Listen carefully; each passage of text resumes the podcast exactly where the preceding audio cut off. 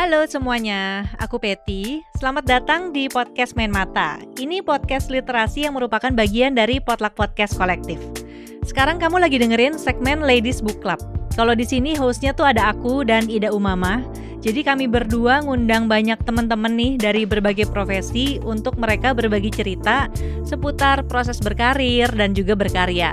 Terus di setiap episode juga aku dan Ida nanyain ke teman-teman yang kami undang ini nih soal buku-buku yang mereka suka dan mereka baca untuk direkomendasiin ke kamu. Kalau misalnya kamu mau nonton versi YouTube dari obrolan ini juga bisa. Siapa tahu kan kamu pengen lihat wajahnya mereka langsung gitu ya. Bisa meluncur ke channel YouTube Potluck Podcast Kolektif. Oke, selamat mendengarkan. Selamat datang kembali di Ladies Book Club. Kali ini gue dan Ida sudah kedatangan Iya. seorang perempuan. Temen lama sih sebenarnya ya. Temen lama Peti. Iya. Dulu udah kenal dari zaman em, masih eh masih sekarang juga masih ya sebenarnya ya, jadi ilustrator. Mm, iya. Mungkin boleh kenalin dulu nih, Pet. Iya, oh, iya. Ada teman-teman yang baru lihat nih. Mayumi Haryoto. Halo, halo. Ilustrator yang bisa dibilang bisa dibilang ilustrator senior lah ya. Terus juga dari tahun berapa Mi lu jadi ilustrator Nah, sebenarnya? itu tuh. tahun berapa ya kayaknya eh, mungkin mulai freelance itu jadi ketahuan umurnya nih udah 2005an kali ya 2006an Oh 2006 Lu umur berapa dah waktu itu? masih sekolah ya Kebetulan. Iya iya iya. Dari 2006 mulai freelance Oh oke. Terus lu kan em, ini kalau mungkin kasih sedikit background kali ya ke teman-teman. Jadi udah jadi ilustrator nih Mayumi dari 2006. Terus udah gitu sempet bikin agensi ilustrasi juga. Terus sekarang juga berkecimpung di startup konten buku anak, Mm-mm. iya kan? Mm-mm. Nah, eh, tapi sebelum kita ke situ, mungkin ceritain dulu soal yang jadi ilustrator kali ya. Kan dulu gua taunya lu emang gak banyak membuat ilustrasi untuk musik. Hmm. Itu tuh eh, dari tahun berapa berarti? Um, kayak awalnya sih sebenarnya di dunia di industri awal kerja di industri game terus pindah ke advertising agency habis itu uh, pengen nyoba freelance tapi sambil freelance uh, part time di Aksara Records. Jadi waktu itu sebenarnya terjunnya uh, awalnya ngebantuin ngedesain covernya band Sore album pertama dan kedua ya Hmm. gitu uh, ya dari situ terus uh, ya gabung ke Aksara Records terus ngerjain beberapa band lain juga Oh. terus poster-poster poster-poster eventnya Aksara juga zaman itu pokoknya waktu itu zaman zamannya apa ya band-band kayak Indie. iya tahun itu Megang deh pokoknya dulu Iya, Mayumi iya, semua. enggak, enggak. ya dari situ eh ya abis itu freelance kali ya gitu. Se- eh, Sebenarnya waktu itu udah mulai freelance tapi eh, sambil sambil jalan Aksara karena belum berani beneran full fr- freelance jadi sambil part time di Aksara gitu. Hmm. Waktu di game itu lu juga sebagai ilustrator? Iya waktu itu di itu di artis. heeh. Oh oke. Maksudnya em, yang gue pengen tahu juga sih mungkin ken- awalnya dulu lu akhirnya masuk ke ilustrasi itu apakah karena emang background lu dulu Iya. belajar atau apa? Atau lulusan DKV misalnya ya. Kan kebanyakan kayak gitu Iya. sekarang ya. Hmm. Emang lulusan desain tapi kalau me- sekolah ilustrasinya sih enggak sih karena di Indonesia emang nggak ada major ilustrasi kan. Eh, jadi sekolahnya desain tapi memang dari kecil doyan gambar sih sebenarnya interestnya emang doyan komik. Iya. Hmm. Awal berangkatnya anak komik lah gitu emang doyan eh, komik walaupun akhirnya nggak pernah bikin komik sih gitu bikinnya yang lain-lain gitu. tapi awalnya di situ gitu. Jadi ya gitu deh. gitu deh. Iya. Oke.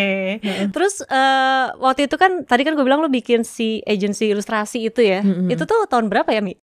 Eh, berapa itu ya? 2012-an kayaknya 2012-an 2000. atau 2013-an lupa. Kayak 2013-an. deh. Waktu itu em, ya kan mungkin lu udah menjalani dunia ilustrasi tuh udah sekian lama gitu ya dari 2005 2006 terus akhirnya bikin si agensi ilustrasi. Eh, kenapa waktu itu lu bikin? Um, Ada kejadian apa nih di balik bebikinan ini? um, sebenarnya tujuannya pengen nge uh, contribute uh, dengan industri industri ilustrasinya sendiri kali ya. Kayaknya ada di dalam apa? Um, kayak yang ngerasa kayak udah nih gini aja nih gitu jadi ilustrator kayak ceilingnya pendek banget ya di Indonesia gitu. Kayak effort effort lo baru dikit terus kayak mentok gitu loh.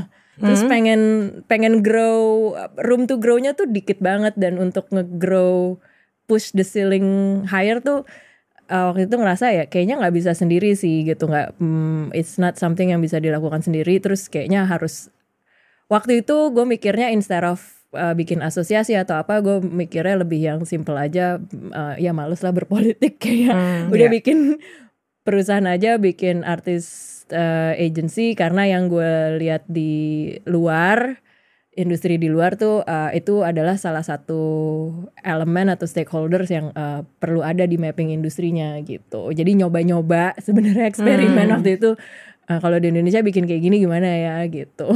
Berarti kan waktu itu sebenarnya si agensinya ini se- berfungsi sebagai penengah gitu ya Mm-mm. untuk si ilustrator sama eh, klien gitu berarti. Itu karena lo tadi bilang nggak bisa sendiri. Maksudnya pas lagi menjadi ilustrator tuh lo ngerasa sendirian di sini atau gimana maksudnya? Iya kayak nggak ada, kayaknya semua sendiri-sendiri aja gitu, kayak nggak ada obrolan kayak uh, standarisasi gimana kita ngecharge basis uh, basisnya tuh apa, terus uh, bagaimana pricing structure dan segala macam itu tidak ada diskusi seperti itu gitu loh. Terus um, jadi kayak kayak semua satu sama lain saling kill each other apa ya Oh. uh, harga dan ini Iya, ini iya. jadi ya berharapnya dengan adanya institusi itu kan jadi ada standarisasi gitu loh. Hmm. Memang nggak ada percakapan itu sebelumnya apa emang belum dibikin? Bah, tidak ada percakapan dan mau mencoba bercakap pun sus sulit gitu karena kayaknya semua orang ya sendiri-sendiri aja gitu loh. Oh, Oke. Hmm, oke. Terus ketika lo bikin eh Aman. Udah mulai ini ya. Ini bikin ya gimana gimana. eh, apa yang terjadi? Apa yang terjadi apa ya? Um, uh, mix uh, ba- banyak learning lessonnya sih kalau bisa dibilang ya. Satu ternyata nge-manage artis tuh melahkan. Nge-manage diri sendiri Iya, dong. iya. Dan terus banyak uh, artis with their ego is uh, very inilah melelahkan terus um, apa ya Hmm, mungkin gua nggak tahu sih kecepatan atau gimana juga mungkin industrinya uh, belum sesiap itu. Jadi kayak tiba-tiba ada penengah tuh uh, apa? Ya jadi kayak serba salah dihimpit gitu. Jadi uh, artisnya pun tidak melihat berusaha masih apa ya? Belum lihat ke arah situ. uh, belum melihat ke arah situ gitu loh kayak gitu gitu tapi ya tapi it's a lot of learning lesson sih. Ketika waktu itu bertahan cuman uh, dua tahun ya gitu Dua tahun ya? dua tahun Oh, oke. dua tahun uh, tapi ya lumayan sih kayak sebenarnya itu kayak I think one of biggest client waktu itu sebenarnya Google karena kalau Hmm. pertama Google Doodle pertama kali artis Indonesia itu Tommy Tommy Chandra. itu sebenarnya lewat agensi Oh. Fabula. Oke, oke, oke. Oh iya Sebenarnya Fabula kita, ya kita yang namanya. ngegolin kita yang ngegolin kita yang Oh, ngegolin oke. uh, project itu gitu. Dan sekarang udah banyak ilustrator yang di hire sama Google Doodle gitu ya dari Indonesia. Hebat sih. Oke, itu tapi kan em, seingat gue emang tadi lu bilang di sini akhirnya lu bikin Fabula karena lu ngerasa mentok gitu. Kalau nggak salah emang sebelumnya lu sempet keluar kan? iya iya Keluar apa nih? Keluar negeri, Keluar Keluar kota, keluar keluar negeri. negeri. Oh, Ke ya, mungkin bisa Amerika. diperjelas ya. Keluar kota dari Jakarta kan mungkin bisa Depok. Luar negeri bun. Baik.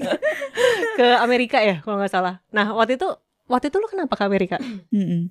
nggak ya kayaknya pengen tahu aja sih di luar seperti apa eh ya itu karena nggak ada role model Hmm. Susah ya kalau ngomongin profesi ilustrasi itu kan tiba-tiba nih profesi ilustrasi kayak sekarang tiba-tiba booming banget kan kayak Iya, kayaknya iya, hit banget kayak semua Parah. orang pengen Heeh. jadi ilustrator ya zaman itu tuh nggak ada angkatan kita lah ya milenial yang early milenial mau look up ke atas siapa nggak ada role modelnya di Indonesia Hmm. gitu loh makanya mau mau push the ceiling higher juga gimana clueless nggak ada apa-apa jadi ya harus look lihat keluar gitu loh jadi um, ya thanks to internet kan jadi sedikit banyak tahu gitu loh Eh, juga banyak korespondensi eh, sama artis-artis luar lah ya gitu Hmm. Ya. ya pengen sebenarnya pengen nyoba aja di sana Em, Ya tapi gitu aja sih terus nggak betah terus kayak berapa berapa lama Nah, ya? Berapa lama tuh? Pertanyaannya. kayak nggak nggak nggak nyampe setahun deh terus nggak Oh betah. iya? Itu lu kayak ngambil course atau emang lu kes- ke sana Kerja. tuh? Oh kerja. Heeh, kerja, oh kerja, kerja. oke. Awalnya liburan terus iseng-iseng eh terus dapat kerjaan terus ya udah just stay gitu. Hmm. Terus habis itu balik lagi. Iya balik lagi for personal reason dan apa ya ya ya gitu deh mungkin kayak ya ternyata eh, gue yang kurang cocok kali ya di sana gitu loh. Apanya yang gak cocok? Hmm, I don't know culture wise kayaknya gue orang Asia Oh. banget sih gitu kayak I'm very Asian. Oke. Tapi apa yang lu dapat berarti selama hampir setahun gitu di sana? Iya paling yang menarik itu sih community illustrationnya karena kan sempat jadi membership di Society of Illustrator di sana. Di situ kayak learn a lot dari dari dari asosiasi itu. Kayak kayak gila nih profesi nih profesi udah berabad-abad gitu kalau di luar sana gitu loh. Jadi they take it very seriously. Terus kayak berharap banget at least yang di sana itu tuh apa yang bisa diaplikasiin di sini gitu loh. Sebenarnya em, mm, itu sih makanya terus balik punya ide bikin Fabula Illustration Agency itu gitu Hmm. ya kalau di luar berarti waktu itu lu ngelihatnya mereka udah beneran memang menjadi Udah. professional illustrator gitu ya? sudah industri gitu Oh sudah industri. Iya iya. iya. Sementara waktu itu di sini belum. belum Waktu itu waktu lu pun ngerjain untuk musik. Terus kalau nggak salah lu sempat ke film juga ya? Mm-mm. Bikin poster film. oh iya iya Iya. nah waktu itu eh maksudnya lu udah banyak berteman dengan sesama belum? sesama apa tuh maksudnya Ya, ilustrator. belum sih waktu itu tuh paling kenal anak-anak komik kayak eh, siapa ya ya anak-anak Stellar Oh. Sanigo Oh, apa pokoknya iya, anak komik gitu gitulah um, mm, Roal segala macam paling tahu-tahuan aja tapi belum karena waktu itu masih aktifnya di ya di Aksara Record ya di scene musik masuk ke industri film juga sebenarnya di Aksara Record sih karena waktu itu Joko Anwar kenal Joko Anwar kan eh, dia film pertamanya apa Janji Joni kan waktu itu soundtracknya di Aksara Records ya. Hmm. gitu. Jadi pas dia film keduanya Pintu Terlarang itu eh, ya karena udah kenal di situ jadi di situ sih gitu. Ma- awal-awal masuknya di eh, film tuh di situ gitu. Di Aksara Records juga gitu. Hmm. gitu kalau sesama ilustrator biasanya teman online karena tahu by reputation semuanya kayaknya zaman itu gitu ya apa internetnya vibe-nya beda sama zaman sekarang Hmm. Iya, iya, iya. Em, kalau ngomongin Fabula berarti bisa dibilang dia bisnis pertama lo nih. Iya. Mm-mm. Oke, terus setelah dua tahun gugur gitu ya. Tapi maksudnya tidak membuat lo patah semangat untuk berbisnis nih. Karena emang Memulai sesuatu lagi. Heeh. soalnya kan sekarang lo udah punya Pibo nih si platform konten eh, konten buku anak gitu ya. Mm-mm. T- Nah, waktu itu tuh gimana lu dari sebenarnya walaupun masih nyambung nih dua-duanya ada ilustrasinya gitu, tapi dari akhirnya ilustrasi agency ini terus kemudian lu ke konten anak itu gimana ceritanya? Um, sebenarnya nggak langsung sih abis dari Fabula um, um, aku lupa urutannya. Sebelum apa setelah Fabula emang karena sempet waktu itu sempat ngebantuin perusahaan temen as creative director di alternative perusahaan game sih uh, developer game lokal. Uh, ini kan abis Fabula terus nerusin Kreavi sempet jadi bantuin jadi managing Hmm, director Kreavi juga. Oke. jadi mungkin itu awal masuk uh, ke dunia uh, startup startup kan kali ya uh, ekosistemnya, networknya, kenal orang-orangnya dan segala macam. Uh, I mean uh, ya udah habis itu setelah uh, selesai dari Kreavi, um, ya sebenarnya ada personal, ada personal uh, something happen lah di di uh, keluarga. Let's say uh, nyokap gue passed away gitu loh. Hmm. terus uh, abis itu kayak loss aja sih sebenarnya. Kayak apa apa ya mau nerusin sebagai ilustrator as a as a solo artist tuh udah nggak udah nggak nemu desire-nya lagi. Karena pas pas in lagi periode grief itu kan kayak disorientasi ya gitu Hmm. kayak ini gue mau ke mana ya gitu loh terus um, ya jadi um, ya di situlah akhirnya uh, Pibo muncul gitu jadi kalau ditanya ini gue gak tahu bitter atau enggak tapi bisa dibilang let's just say eh, metode gue eh, menangani depresi adalah gue bikin perusahaan. Wow. Luar biasa ya. Tapi memang biasanya hal-hal yang besar lahir dari apa ya kekecewaan, Iya sih. kesedihan. Cuma dia tuh kayak apa ya mencari solusi dengan membuat sebuah masalah besar Iya, gitu loh. Iya, Iya, masokis aja sih gue nggak tahu. Nggak tahu. Gue aja bingung sebenarnya pas itu jalan bingung juga sih sebenarnya sama partner-partner yang kok pada ngedengerin gue ya gitu. Gue juga nggak tahu. Padahal waktu itu lagi depres banget gitu sebenarnya. Waktu itu eh, pengen bikin pibo terus ngobrolnya sama siapa? Atau oh sendiri aja udah gitu. awalnya sih sendiri tapi aku ada co-founder sebenarnya eh, dia yang begitu dia on board eh, barulah kita seriusin gitu cuman eh, sebelumnya mungkin perjalanannya kenapa bisa pibo hmm, kenapa sih tiba-tiba tertarik buku anak sebenarnya banyak yang nanya gitu Iya, iya. Em, sebenarnya kenapa enggak karena aku awalnya dari eh, komik ya anak eh, Hmm. komik game emang dari dulu sukanya dunia anak gitu loh kadang orang suka mikir dunia anak tuh babies Iya. sebenarnya enggak loh Hmm. gitu loh Eh, kayak udah gede juga kan lu masih Namanya pada tetap anak ya.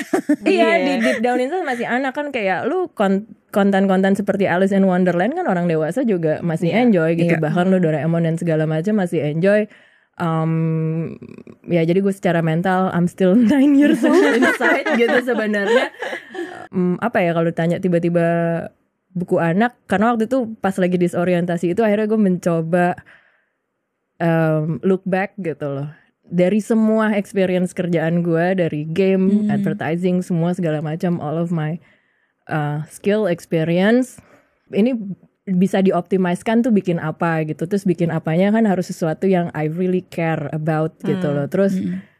ternyata gue realize I don't care about being famous or being apa jadi solo artis kayak push itu tuh drive itu ternyata nggak ada gitu loh Um, uh, nggak desire nggak punya desire Um, terus kayak bertanya-tanya ngapain ya selama ini gue coba ngejar itu ternyata enggak akhirnya uh, nyari cost um, apa ya kayak I realize I'm really good at being a martyr terus nyari Martir. yes Oke. I mean it's one of my talent gitu. I like being useful. I'm really good at being a martyr. Jadi ya kalau gue mau dedicate gue sesuatu, sesuatu um, ya karena I, I think nyokap gue itu kayak apa ya? I used to dedicate everything buat dia gitu. Terus Hmm. begitu nggak ada dia kayak ya gue realize kayak lu nggak bisa dedicate ke orang. Hmm. Waktu itu Sesuatu apa yang yang- yang lo dedikasiin ke nyokap lo waktu itu emang apa bentuknya? um, ya kerja keras gue I'm, I'm trying to be uh, successful and ya kan soalnya nyokap gue kan uh, apa uh, single mother lah ya Oh, gitu single mother ha. jadi gue just just trying to be apa ya uh, I feel like gue harus sukses uh, untuk untuk support dia dan segala macam tapi terus terus udah gitu nggak nggak apa ya udah udah nggak ya pokoknya udah disorientasi terus akhirnya kayak gue realize kayak kalau mau dedikasiin sesuatu harus sesuatu yang tangible dan long lasting dan manusia tuh nggak long lasting gitu loh. You can dedicate yourself to someone. Jadi paling mungkin apa ya to a cause gitu. Jadi cause yang paling gue care kayak gue care tentang ya gue care tentang banyak hal tentang ling- lingkungan, uh, animal rights dan segala macem. Tapi I think yang tadi gue lihat coba lihat big picture-nya, my experience uh, dan segala macem kayaknya kontribusi yang paling bisa berarti itu di sini gitu loh. Hmm. Kesannya sih kayak tapi waktu itu saat kejadian itu tidak terstruktur ya gitu loh. Iya. I didn't really think of it this Hmm. way. Hmm. Sekarang ketika lo ngeliat lagi, eh maksudnya seperti itu tuh kronologisnya Iya, gitu ya. Nah, Walaupun pas itu kejadian kayak ya karena lagi gitu kayak kayak kayak badan lo kayak autopilot gitu gak sih? Oh. Tiba-tiba bisa semuanya gitu bisa Iya dikerjain. tiba-tiba meeting terus kayak oh, orang-orang ini dengerin gue ya bingung gitu kayak. Oke. Tapi sebagai bentuk dedikasi misalnya apakah ini juga ada apa ya keinginan untuk membuktikan sesuatu ketika nyokap udah nggak ada? Nggak ada justru itu udah nggak ada justru tiba-tiba lu uh, terlep bebas kayak ya. Hmm. Kayak desire, gue nggak tahu ini kayak pedang bermata dua atau enggak, tapi di satu Hmm. sisi freedom, tapi di satu sisi ya ya nggak tahu deh.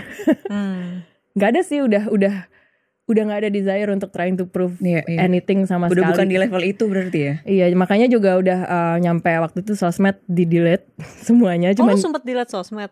Instagram um, Twitter, Oh, Facebook, yang jadi sisain cuman Instagram dan Instagram itu juga dari dulu dulu tuh dulu tuh aktif banget di Twitter sebenarnya terus di delete Insta uh, Facebook Insta uh, delete terus akhirnya cuman disisain Instagram doang karena kayak "Hmm, mungkin siapa tahu butuh nanti tapi ya sampai sekarang pun juga nggak aktif-aktif amat ya bu- mulai aktif lagi tapi nggak aktif-aktif banget Hmm. Oke. Wow. nggak tahu Ya. makanya tuh kayak pedang bermata dua atau enggak kayak "Hmm, mungkin harusnya ini kali ya kalau masih haus kan kayak masih pengen eksis tapi udah nggak Ini rasa hausnya sudah tidak ada ya. Udah gak haus-haus banget. kayaknya ngerasa that it's not my fight fight gue di tempat lain gitu Oke.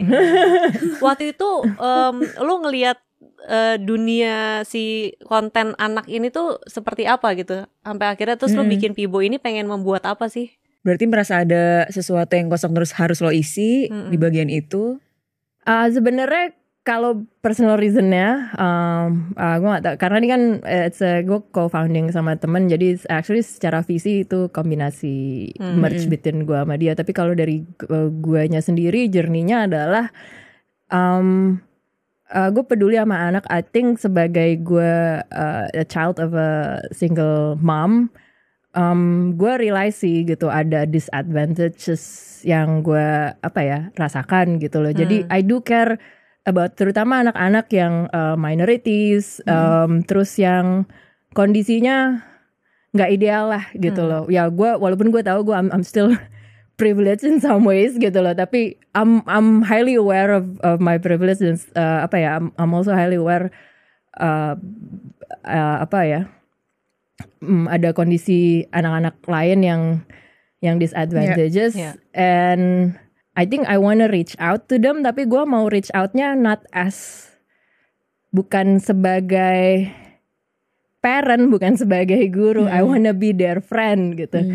I wanna be their friend that you know it's okay things gonna be okay gitu. I wanna be uh, their friend. Um, tapi bukan sebagai gue through all the characters. Um, sebagaimana uh, waktu gue kecil karakter-karakter buku anak itu menemani gue mungkin something like that Oh. Iya iya iya iya iya. Tapi dulu bacanya apa sih? Maksudnya eh, buku-buku anak tuh apa? Misal kalau kita kan majalah Bobo Iya. gitu ya. Ya sama sih kayaknya masih Oh seumuran sama. Doraemon lah ya kalau komik ya. Doraemon, ya. Oke, berarti Ya, si Pibo ini pengen apa pengen menjadi pengen lo bikin untuk menjadi teman si anak-anak ini ya. Iya, tapi apakah kita sudah berhasil atau belum? Kayaknya masih perjalanan masih panjang, tapi um, ya.